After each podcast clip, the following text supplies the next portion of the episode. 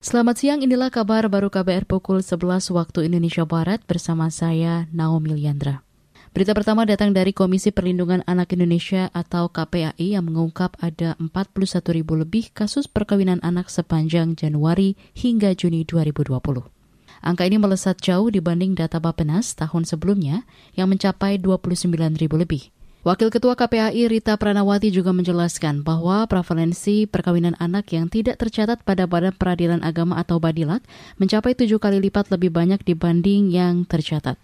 Adapun latar belakang perkawinan anak di antaranya terkait faktor ekonomi, pola asuh, pornografi, pemahaman agama yang harus diluruskan, dan kultur setempat. 60 masyarakat 60% eh, masyarakat kita itu boleh menikah di bawah 19 tahun gitu.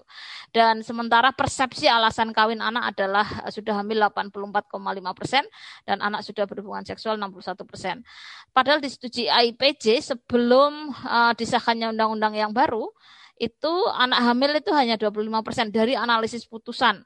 Wakil Ketua KPI Rita Pranawati menambahkan perkawinan anak dapat merenggut hak-hak anak.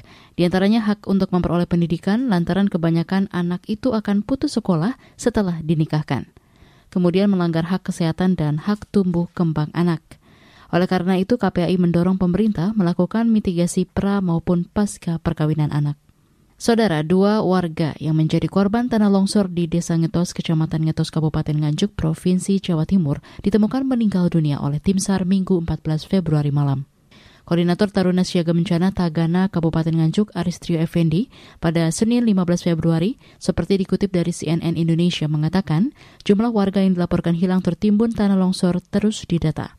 Jika sebelumnya dilaporkan ada 23 orang, Tagana Nganjuk justru mendapatkan laporan 20 orang hilang. Namun data ini terus diperbarui. Ia mengatakan dengan data 20 orang tersebut dan berhasil ditemukan 4 orang, saat ini petugas masih mencari 16 orang lainnya. Tim SAR gabungan mencari dengan mendatangkan alat berat. Berita terakhir datang dari Badan Kesehatan Dunia WHO yang menyatakan akan segera mengirim perwakilan sebagai pendamping terkait merebaknya wabah Ebola di Guinea.